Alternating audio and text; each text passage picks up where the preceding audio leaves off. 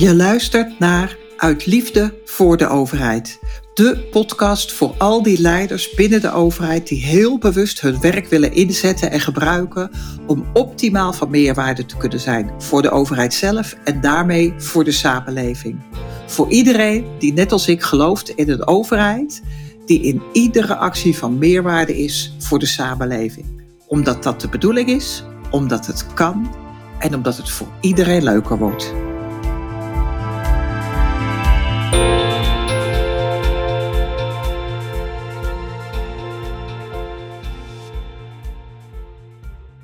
Wil het vandaag met jullie hebben over een organisatie ja, schema eigenlijk, een organogram. En dan zal je zeggen, wat is daar nou belangrijk aan? Want daar is inderdaad helemaal niet zo heel veel belangrijk aan. En toch ga ik er een hele podcastaflevering aan wijden. Want ik heb het over de omgekeerde piramide. Wat bedoel ik daar nou mee? En wat is het voordeel daarvan? Dat ga ik je in deze podcast uh, vertellen. Kijk, we kennen allemaal het organogram zoals we dat van oudsher tekenen, het harkje. Met bovenin de directeur, de gemeentesecretaris, als we het over gemeente hebben. En daaronder dan het MT, daaronder afdelingshoofden, leidinggevenden met elk hun afdeling of hun teams. Het interessante is dat in die traditionele manier van kijken naar een organisatie en hoe we dat tekenen, daar zijn we zo in opgegroeid met z'n allen dat we ook altijd de neiging hebben om naar boven te kijken. Je wil niet weten hoe vaak ik in trainingen met teams of zelfs ook met leidinggevenden dat ik te horen krijg: ja, maar moet ik dan degene zijn die dat doet? En dat verbaast me altijd. En mijn antwoord is dan ook altijd: van waarom zou je niet degene zijn die dat doet? En dan heb ik het bijvoorbeeld over dingen als collega's aanspreken, dingen die niet goed gaan in de organisatie bespreekbaar maken. En dan vooral dingen waar de mensen zelf last van hebben. dus ze kaarten, of het nou bij mij in een één op één coaching is of in een teamtraject, ze kaarten iets aan waar ze last van hebben. Nou, degene die mij al langer kennen, die weten, ik ben heel erg van het, oké, en wat kan je daar zelf dan aan doen? Want dat is de snelste weg. Kijken wat ik daar zelf aan kan doen. En als ik die vraag dan stel, dan krijg ik dus als respons, uh, ja, maar hoezo moet ik dat doen? Ben ik dan degene die dat moet doen? En dan, dan volgt er vaak van, dat moet de teamleider doen, of dat moet het afdelingshoofd doen, of dat moet de gemeentesecretaris doen, of dat moet het bestuur doen. Maar we wijzen dus altijd naar iemand anders. Nou, daar zou ik ook nog het een en ander over kunnen zeggen. Dat heeft ook weer met dat, daar heb ik het natuurlijk vaker over, met ons overlevingsinstinct te maken. Als het aan een ander ligt, dan is het niet mijn verantwoordelijkheid. Uh, dan kan ik er ook niet op afgerekend worden, kan ik er geen fouten in maken. Dus dat lijkt heel fijn. De keerzijde van diezelfde medaille is natuurlijk dat als ik vind dat ik er niet over ga en dat ik er dus niks aan hoef te doen, ja, dan ben ik aan het hopen en aan het wachten totdat iemand anders het gaat oplossen. En dat is natuurlijk niet een hele effectieve strategie.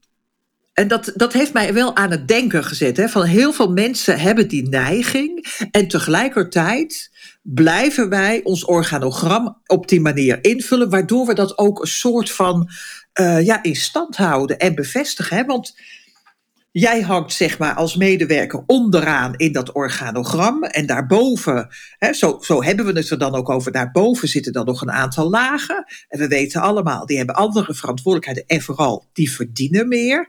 Dus die moeten het dan maar doen. En dat is een best, het is, in mijn ervaring is het een hele lange, moeizame uh, ja, ik zou het niet eens een discussie willen, willen noemen. Dat, dat gaat er niet om dat het een discussie is. Maar het is, het is een moeizaam traject om mensen ervan te overtuigen. Te laten inzien dat ze beter af zijn als ze zelf die verantwoordelijkheid pakken.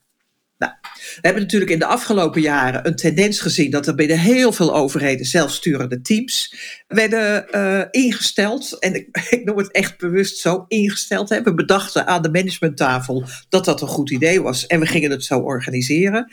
En het is ook op heel veel plekken mislukt, omdat dit speelde. Ja, maar moet ik dat dan ineens doen? En mensen niet de tools hadden gekregen, niet de begeleiding hadden gekregen om met die verandering om te gaan ik weet niet of ik goed onder woorden kan brengen, maar ik hoop dat je, dat je begrijpt en dat je ook een beetje aanvoelt hoe de houding van de mensen op de werkvloer te maken heeft met het organogram wat we tekenen. Dat lijkt. Ik vind het zelf ook, en geef ik eerlijk toe, ik vind het lastig om dat onder woorden te brengen, want het lijkt alsof dat iets is wat helemaal niks met elkaar te maken heeft. En toch is dat wel zo. En het feit dat er iemand boven mij staat met meer verantwoordelijkheden, met meer salaris, geeft mij de neiging om die verantwoordelijkheid dus ook naar boven te duwen. Met als uiteindelijk effect dat alle verantwoordelijkheid bij die directeur terechtkomt. Is dat nou per definitie helemaal fout? Nee. Uiteindelijk is die directeur natuurlijk ook de eindverantwoordelijke voor alles in die organisatie. Ik heb dat zelf ook zo ervaren toen ik gemeentesecretaris was. Ik heb daar ook nooit in dat uh, opzicht last van gehad. En het is wel lastig als jij degene bent die eindverantwoordelijke is. En daarmee ook degene is die al die knopen door moet hakken of die al die beslissingen moet nemen. Eigenlijk staat dat organogram in die piramidevorm, dat staat het veranderen van de houding van je medewerkers naar zelforganisatie en zelfsturing in de weg. En daar hou ik zo van. Als je me kent, dan weet je dat. Ik hou zo van eenvoudige oplossingen. Er is hier een hele eenvoudige oplossing. En dat is de omgekeerde piramide. We draaien het organogram gewoon om. En we zetten de uh, directeur. Ik, heb, ik, pak even als voorbeeld gemeente, want dat, dat praat even lekker makkelijk. We zetten de gemeentesecretaris, de directeur, zetten we onderin het organogram. En dan vanaf die gemeentesecretaris lopen de lijntjes naar boven. Naar, of zijn, wel zijn directieteam, zijn MT. Uh, en vanuit het, die laag van MT, van management, daar lopen ook weer lijntjes naar boven. En wat je dan krijgt is dat en het is natuurlijk jammer dat een podcast alleen geluid is en dat er geen beeld bij zit. maar goed, ik ga proberen het zo goed mogelijk te omschrijven. Wat je dan krijgt, is die directeur die, die hangt onderin dat organogram en die draagt de organisatie. En wat ik daar altijd bij als uitleg geef, is de primaire taak van die taak en verantwoordelijkheid van die directeur, van die gemeentesecretaris, is om ervoor te zorgen dat die laag daarboven, of je dat nou DT noemt of, of eh, MT, maar dat die laag optimaal kan functioneren. En zo gaat het verder. Dus de primaire verantwoordelijkheid en focus van het DT of het MT is zorgen dat die laag die in het organogram daar dus boven staat, uh, dat kan zijn teammanagers, uh, dat kan zijn afdelingshoofden, dat, hoe je dat ook noemt, maar dat die optimaal hun werk kunnen doen. En op diezelfde manier gaan dan dus de teammanagers of de afdelingshoofden, die gaan ervoor zorgen dat hun medewerkers optimaal kunnen functioneren. En die medewerkers uiteindelijk, die staan er bovenin het organogram. En die hebben als primaire taak en verantwoordelijkheid om ervoor te zorgen dat die inwoners optimaal bediend worden. En dan gaat het ineens helemaal niet meer over, ja, maar dat moet die ander doen. Dan wordt het ineens zo ongelooflijk duidelijk waar de prioriteit moet liggen en waar de focus moet liggen. En dat het uiteindelijk allemaal ertoe moet leiden dat die inwoner, dat die samenleving optimaal uh, bediend wordt, geholpen wordt, ondersteund wordt de eerste keer dat ik dit aan iemand liet zien, dat ik dat voorstelde, dat was een directeur. en hij schoot behoorlijk in de paniek, want zijn eerste reactie was: Ja, maar shit, dan ben ik overal verantwoordelijk voor. Dan is het allemaal van mij. En het grappige was dat ik toen tegen hem zei: van, Ja, maar dat is nu ook al zo. En dat hij toen zijn kwartje ook wel viel. Dat zei: Oh ja, ja, dat is ook zo. En toen ik hem uit ging leggen, hè, hoe dat in de, zeg maar tussen aanhalingstekens, de normale piramide van het organogram werkt. En hoe dat in de omgekeerde piramide werkt. Want in de omgekeerde piramide werkt het dus ook zo dat we verantwoordelijkheid naar boven ja, bewegen, duwen als het ware. Dus die, wat we veel meer creëren is dat op elke laag er veel meer besef en bewustzijn komt van waar jij zelf verantwoordelijk voor bent. En dat het veel minder is, uh, ja, maar dat moet een ander maar doen. Ik vind zelf ook nog steeds een verrassende psychologische twist die er plaatsvindt. Maar het is zo ongelooflijk duidelijk waar de verantwoordelijkheden horen en hoe je daarmee omgaat. En, en het is iets heel anders qua gevoel ook, hè, om daar boven te wijzen. Van ja, maar dat moet degene boven mij doen. Dan dat je zegt, ja, maar dat moet degene die onder mij zit doen. En dat heeft te maken, dat klinkt uh, misschien een beetje wazig, maar goed, neem dat dan maar even van me aan. Dat heeft echt te maken met hoe lang wij al gewend zijn om uh, in termen van een hoog-laag organogram uh, te praten en te denken en te kijken. En dat bedoel ik met hoog-laag, de directeur hoog in de organisatie en de medewerker laag. En door dat gewoon compleet om te draaien, wordt ook bijvoorbeeld ineens veel meer duidelijk dat het gaat eigenlijk helemaal niet om die directeur. Laten we eerlijk zijn, die directeur is maar één poppetje. En dat was ik zelf ook. Hè, toen ik, dus ik bedoel, ik zeg dit absoluut uh, niet vanuit een of andere uh, uh, neerbuigendheid of zo. Nee, maar ik, ik heb me dat ook altijd heel erg beseft toen ik zelf gemeentesecretaris was. Je bent maar één poppetje in het hele geheel. En, en afhankelijk van de grootte van je gemeente zijn er 300, 500, een, een grote gemeente 10.000 ambtenaren die daadwerkelijk het werk doen. En die zijn dus met z'n allen veel belangrijker en veel, veel invloedrijker dan dat jij als directeur bent. Dus hoezo zet je jezelf dan bovenin de piramide? Zet jezelf onderin. En, en stroomleidt het ook zo. Hè, als je bovenin die piramide, uh, jezelf bovenin die piramide zet, en je, je ziet dat ook zo, dan moet ik altijd denken aan, er was een keer, dat is al lang geleden, maar er was zo'n reclame, volgens mij was die van uh, kuppensoep, met zo'n manager die dan op de tafel stond met van die marionettenhoutjes in zijn handen en al die touwtjes eraan. En die dan probeerde iedereen aan die touwtjes in de goede positie te krijgen en de goede dingen te laten doen en op de goede manier te laten bewegen. Daar word je natuurlijk hartstikke moe van. Terwijl als je jezelf onder in die piramide zet en je, je maakt met je handen niet de beweging van boven naar beneden met al die touwtjes die je vast moet houden, maar je maakt met je handen de beweging van onder naar boven en je ondersteunt. Uh, je draagt echt op handen je DT of je MT, dan wordt het ineens veel duidelijker van waar je focus ook moet liggen. En ik hoef dus niet meer me bezig te houden met dingen die op de werkvloer uh, gebeuren, maar ik moet me bezighouden met de DT en daar. Uh, met elkaar kijken van jongens, wat is onze missievisie? Wat zijn onze kernwaarden? Wat zijn onze doelstellingen voor dit jaar, voor dit kwartaal? En wat heb je nodig om dat te realiseren? En dan, dan wordt het ineens een heel ander verhaal. Weet je, dan kan ik veel makkelijker gestroomlijnd dus ook vanuit de missievisie, met kernwaarden en met de waan van de dag. Want ja, die is er ook nog altijd. Maar die kan ik dan die twee kan ik veel makkelijker met elkaar integreren. En dan kan ik zo uh, ervoor zorgen dat we als organisatie vanuit de wortel, zeg maar, onderuit, dat we gaan groeien. Dat we het beter maken. Want als ik een betere, sterker MT heb, krijg ik betere, sterkere teamleiders. En als ik betere, sterkere teamleiders heb, krijg ik betere en sterke medewerkers. En als ik medewerkers heb die beter en sterker zijn, dan, dan wordt mijn dienstverlening en mijn toegevoegde waarde aan de samenleving beter en sterker. En dat werkt dus echt, echt, echt veel beter dan als je het ondersteunen doet, dan wanneer je het van bovenaf doet. Daar moet ik wel nog even iets bij zeggen, want een vergissing die dan ook wel vaak gemaakt wordt, onafhankelijk eigenlijk van hoe je nou dat organogram tekent, als piramide of als omgekeerde piramide.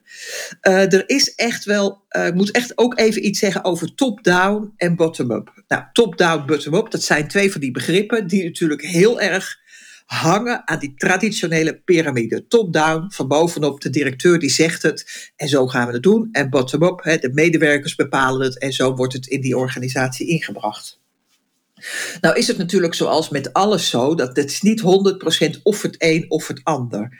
En er zijn wel een paar dingen waarvan ik altijd heel erg duidelijk ben als het gaat om dit moet je niet door de, de werkvloer laten bepalen. En dan heb ik het over de koers van een organisatie, de missie en de visie.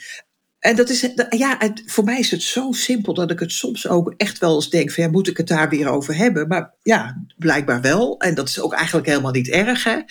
En misschien denk jij nu ook wel van ja, Jeanette, dat snap ik helemaal. Nou, hartstikke fijn. Kijk, als het gaat om de koers van een organisatie of over. Wacht even, ik ga je een voorbeeld geven. Gewoon een praktijkvoorbeeld, want dat maakt het zo lekker duidelijk. Ik had uh, niet zo lang geleden een team klantcontact. En er was een heleboel gebeurd op dat team. Uh, allerlei trammeland, echt trammeland. En ik was ingevlogen om daar eerst eens een onderzoek te doen. En vervolgens om uh, zowel op leiderschapsniveau als op medewerkersniveau het een en ander te doen aan coaching en training. Om die boel een beetje vlot te trekken. Nou, dat is prima geslaagd, gelukkig.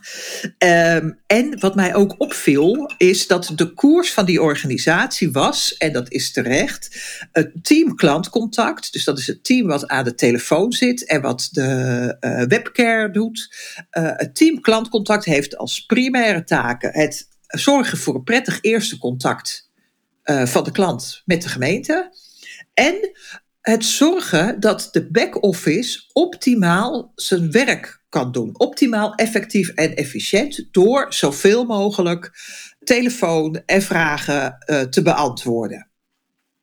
Dat klinkt denk ik heel herkenbaar. Volgens mij is dat bijna in iedere uh, overheidsorganisatie is het wel zo geregeld. Wat daar nou gebeurde was dat in dat team klantcontact, die focus, die lag alleen maar, die lag primair bij die externe klant. We moesten die medewerker uh, goed te woord staan. En natuurlijk, dat klopt ook, dat is ook een onderdeel van de visie. Alleen ze waren helemaal afgeraakt van uh, dat ze ook een rol hadden in het uh, faciliteren van de back-office. En wat er dus ontstaan was, was een houding van, van ergernis en, en, en minachting zelfs richting de back-office. Want daar ging van alles mis in hun ogen. Uh, waar totaal geen begrip voor was. Waar ook dus totaal geen, geen enkele bijdrage uh, werd geleverd om eens te kijken van hey, hoe kunnen we die back-office nou helpen? Het was echt een beetje, uh, wij zijn van klantcontact en dat doen wij goed. En de back-office die doet het allemaal verkeerd. En, en nou, die moeten het zelf maar oplossen. En je wil niet weten, en misschien wil je het wel weten, maar hoe vaak ik heb, ik als externe trainer en coach, daarop heb moeten investeren om dat tussen die oren te krijgen van jongens, het is niet alleen maar dat eerste klantcontact, want dat is te eenzijdig. Wat ik hier nou met dit voorbeeld bedoel te zeggen, wat ik wil laten weten is, kijk, als wij het in die organisatie aan de werkvloer zouden overlaten, en ik weet zeker, deze organisatie is daar niet uniek in, want ik kom dit best vaak bij anderen ook tegen. Maar als we het aan de werkvloer over zouden laten, dan zouden we dus zomaar kunnen laten ontstaan dat een, dat een team heel solistisch zich ergens op richt, zonder rekening te houden met andere teams en met wat, wat die teams nodig hebben en, en hoe hun werk in elkaar zit. En dan kom ik weer met, hè, een beetje mijn gevleugelde uitspraak, ik snap dat. Ik snap het ook echt, want de overheid is zo complex. Een gemeente is zo complex. Weet je, en ik loop er intussen, wat is het, 35 jaar in rond. Ik ben 20 jaar gemeenteambtenaar geweest. Ik heb 10 jaar een leidinggevende functie binnen de overheid gehad, binnen gemeente. En intussen loop ik dus al 15 jaar rond als, als leiderschapscoach, als trainer, als communicatie- en, en organisatieadviseur.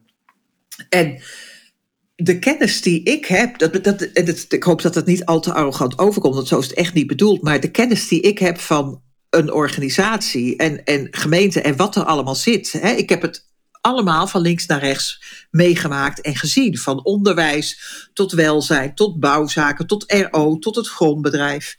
En ik snap heel goed dat iemand die wij binnenhalen om aan de telefoon uh, te zitten, dat die helemaal geen idee heeft wat er allemaal gebeurt rondom tegenwoordig omgevingsvergunningen. En ja, dat zit dan bij een andere dienst. Hè, maar gewoon al de bemoeienis vanuit een organisatie. Ga ik nog een stapje verder, hè, sterker nog, ik kom heel vaak, en dat, dat vind ik ook best een verontrustende gedachte, ik kom regelmatig mensen tegen die niet eens weten hoe nou precies de verhouding van raad naar college zit.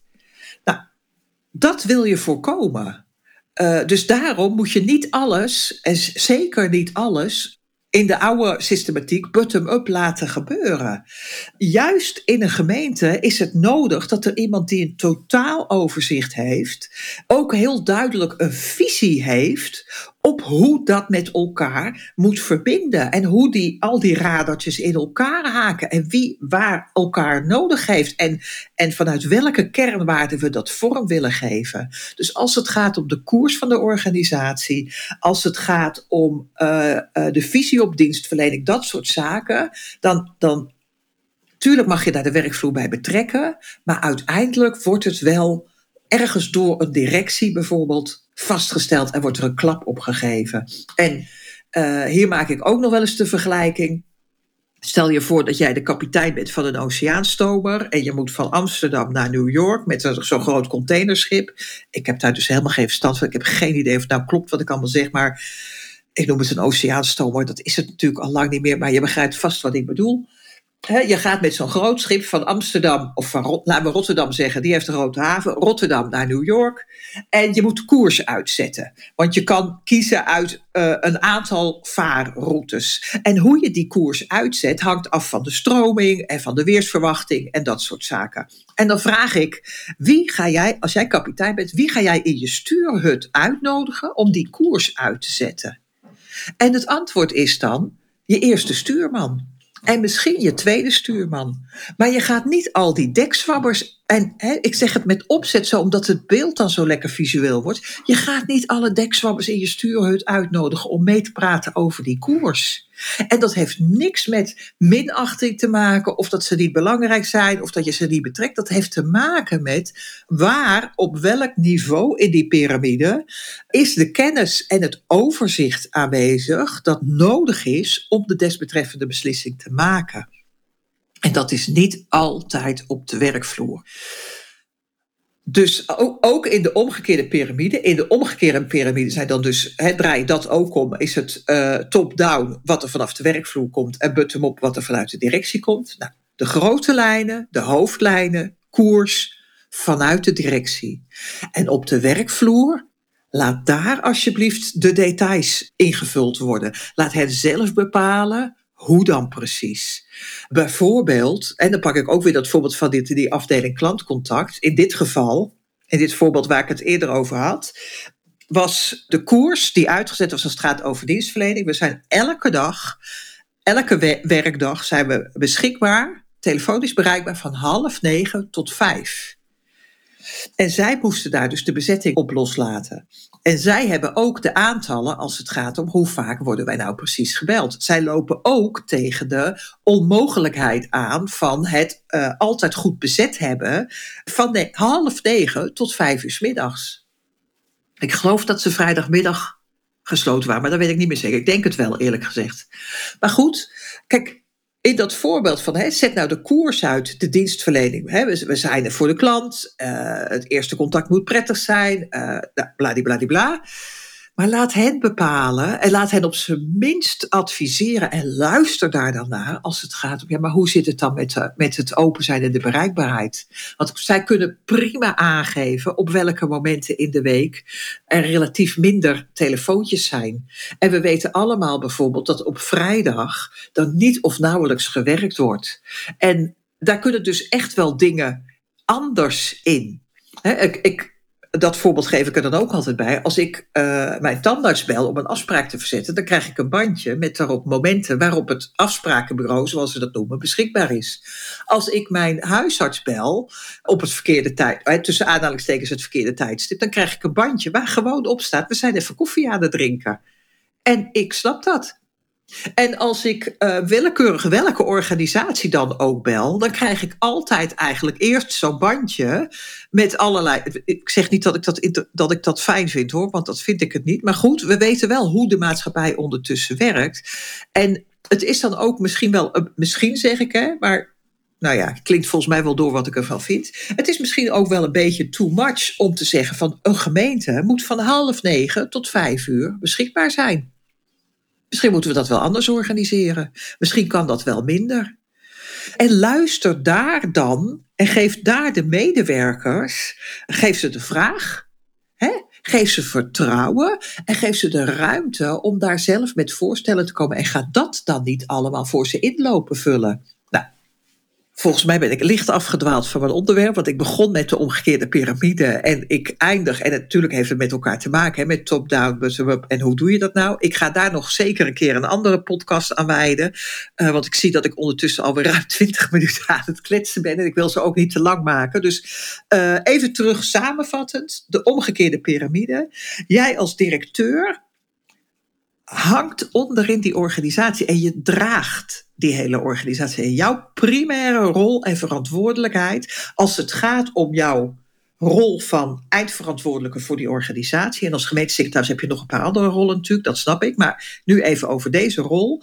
Jouw verantwoordelijkheid is ervoor zorgen dat de laag die direct boven jou zit, dat die optimaal kan functioneren. En dat is dus ook je focuspunt. En dan heb je dus drie, vier, vijf mensen die je moet coachen, die je moet begeleiden, die je moet faciliteren. En, en waar je uh, dusdanige gesprekken mee moet voeren dat je wel goed feeling houdt met hoe gaat het dan daarboven. Maar dat snap je vast en zeker zelf ook wel.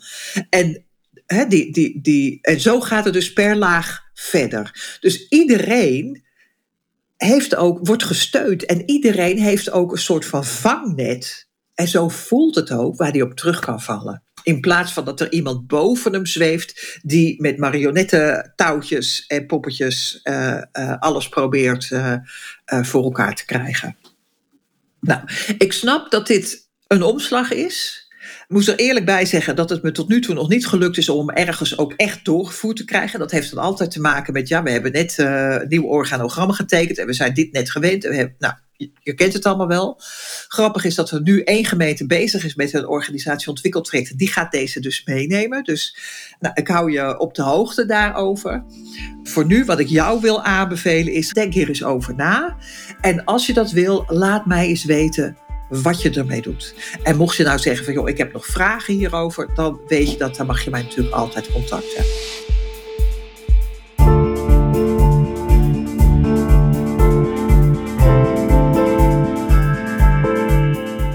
Dit was een aflevering van Uit Liefde voor de Overheid. Het is mijn missie om van meerwaarde te zijn voor de samenleving waarvan ik deel uitmaak. Om al mijn talenten, kennis en inzichten en ervaringen optimaal in te zetten ten behoeve van het grotere geheel, namelijk een betere overheid. Omdat een betere overheid leidt tot een mooiere samenleving.